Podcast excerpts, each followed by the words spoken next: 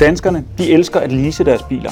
Hver gang der kom fem nye biler på gaden i 2015, så var to af dem leaset. Men hvorfor er det så populært, og hvem kan med fordel lease? Jamen det får du svaret på her i Monitor. Jeg ved, hvad jeg skal betale hver eneste måned. Der kommer ikke nogen uforudsete udgifter. Vi vil meget gerne have noget, der er nemt, og vi vil også godt betale en lille smule ekstra for at få det nemt. Øh, en kampagnemodel, vi har i, i øjeblikket her. Her i Silkeborg er Brian Skovgaard på jagt efter en ny bil. Men spørgsmålet er, om den skal købes eller leases. Det er lidt et spørgsmål om de, de økonomiske ting i det. Øh, om vi bare skal købe en bil og så sige, så er vi, er vi afsted i, i en ny, eller om vi skal, om vi skal lease og så sige, jamen så har vi sådan en eller anden idé om, hvad det koster. Her i Hillerød er leasingperioden slut. Det er den første skade, der er på bilen, ja. Her tager de på FDM-værkstedet hver dag imod leasingbiler, som skal afleveres. Og i dag skal regningen gøres op for denne polo. Der må jo selvfølgelig være buler og riser inden for en eller anden øh, rimelig grænse, som er defineret. Øh, og, og er der andet end det, jamen så, så bliver man, får man lov at betale for det. Vi vender tilbage til Hillerød og Silkeborg lige om lidt. Lad os først lige prøve at kigge lidt på udviklingen i branchen. Erhvervsleasing, altså når et firma leaser til deres ansatte, det har længe været den store motor. Men leasing til privatpersoner, det stormer frem. Siden 2013 er der slået rekord inden for privatleasing hvert eneste år. Og fremskriver man de tal, som vi har for de første fire måneder af år, så bliver 2016 endnu et rekordår for privatleasing. Det går rigtig, rigtig godt. Øh, vi har masser af vækst. Øh, der er rigtig mange, der vælger privatleasing som deres måde at finansiere deres bil på. Jyske Finans, der blandt andet står bag privatleasing.dk, er en af Danmarks største udbydere af privatleasing. Bare i 2015 lavede de over 6.000 privatleasing-aftaler. Men man kan jo se, at tidligere var det jo typisk dem, som havde øh, en dyr bil, eller også dem, der skulle have en bil nummer to i husstanden. Men i dag ser vi reelt set, at det også er her fra Danmark, øh, som privatleaser deres familiebil. Vi ser generelt en trend, der går mod, at man hellere vil lege eller have adgang til, i stedet for at eje selv. Og det gælder jo sådan set alle brancher. Hvis man tænker på musikbranchen, så har vi jo alle sammen i dag adgang til musik via streamingtjenester, i stedet for at eje 200 CD'er. Ifølge trendforsker Louise Byg Kongsholm er det der med at lege i stedet for at eje en helt naturlig udvikling. Det er alle aldersgrupper, det her det er relevant for, og jeg tænker specielt de unge mennesker, som er vant til streamingtjenester og hurtig adgang til ting, at første gang de skal købe en bil, så bliver det leasing. Men andre aldersgrupper har også efterhånden skulle tage det her til sig, fordi de kan regne ud rent økonomisk, at det er smart og det er nemt. Og 0,44, hvis du køber mindre. Og så får man det retur, eller hvad? Det får retur. Nå, og det der med det nemme, det kan Brian Skovgaard sagtens genkende. Han er nemlig træt af de bekymringer, der følger med at eje en bil. Problemet er selvfølgelig, at der kommer, der kommer nogle værkstedsregninger øh, løbende. Der er noget service, der skal, der skal overholdes. Der kommer nogle bremser, der skal skiftes på et eller andet tidspunkt. Her hos bilforhandleren, der er Brian ved at fortælle sig selv varm på en Peugeot 208. Og det er faktisk ikke så mærkeligt. I 2015, der var de tre mest privatleasede biler, alle fra Peugeot. Og det er altså fordi, den franske bilproducent satser benhårdt på leasing. Jamen, det er ganske simpelt. Øh, Kunderne efterspørger det, og øh, vi vil gerne være med der, hvor det er. Cirka 50 procent af vores kunder øh, har, har det op at vende, når de kommer ind. Det er dog ikke alt ved leasing, der tiltaler Brian Skovgaard.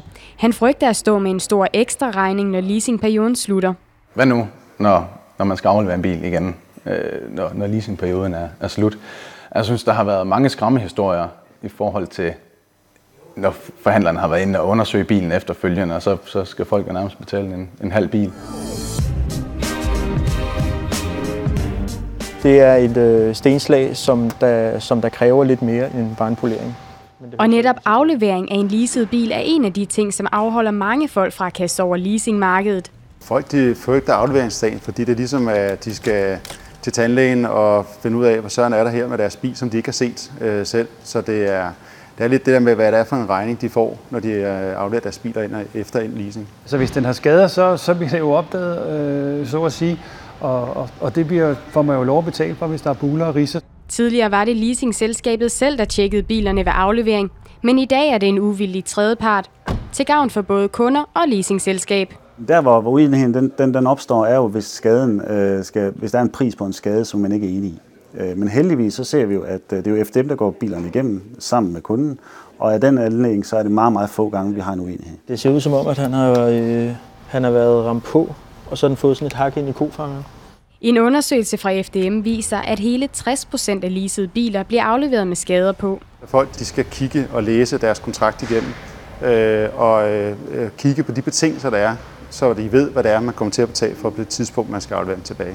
I det øjeblik, hvor vi står og gør det, så synes folk, vi er lidt grundige, fordi vi, vi skal hive bilen igennem, og vi står sådan tæt på, og, og, og, og det ser sådan lidt for, for paneppengrønagtigt ud, men, men det, er, det er altså det, øh, vi, vi skal gøre.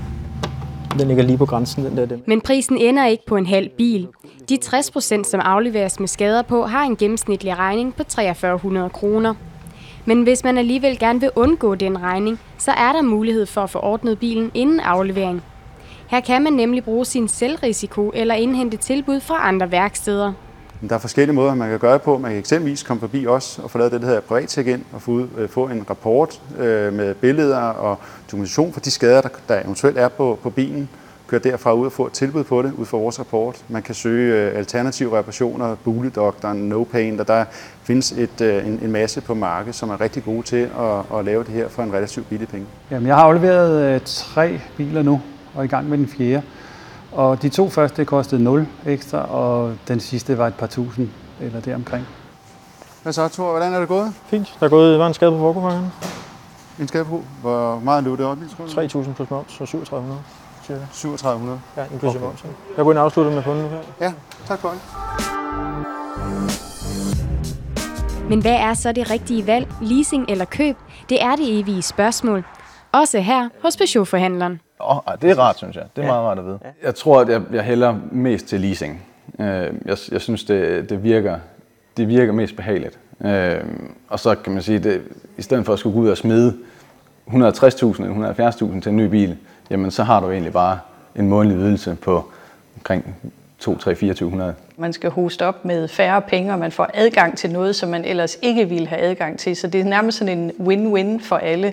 Og så undgår man også øh, alt det her hassle, der altid er med biler, med service og reparationer og skift til vinterdæk, og hvad nu hvis jeg skal sælge den, og den er blevet mindre værd. Så på alle mulige måder er det en nem løsning. Og det læner sig op af den overordnede trend, der hedder convenience. Altså vi vil meget gerne have noget, der er nemt, og vi vil også godt betale en lille smule ekstra for at få det nemt.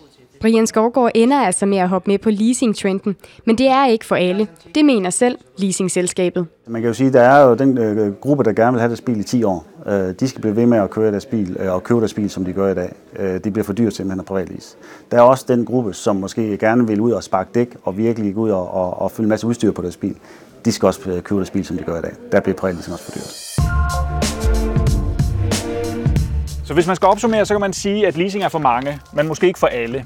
Jo længere tid du kører i en ny bil, jo billigere bliver den. Men kan du godt lide hele tiden at køre i en ny bil og kende dine udgifter, jamen så er leasing måske noget for dig.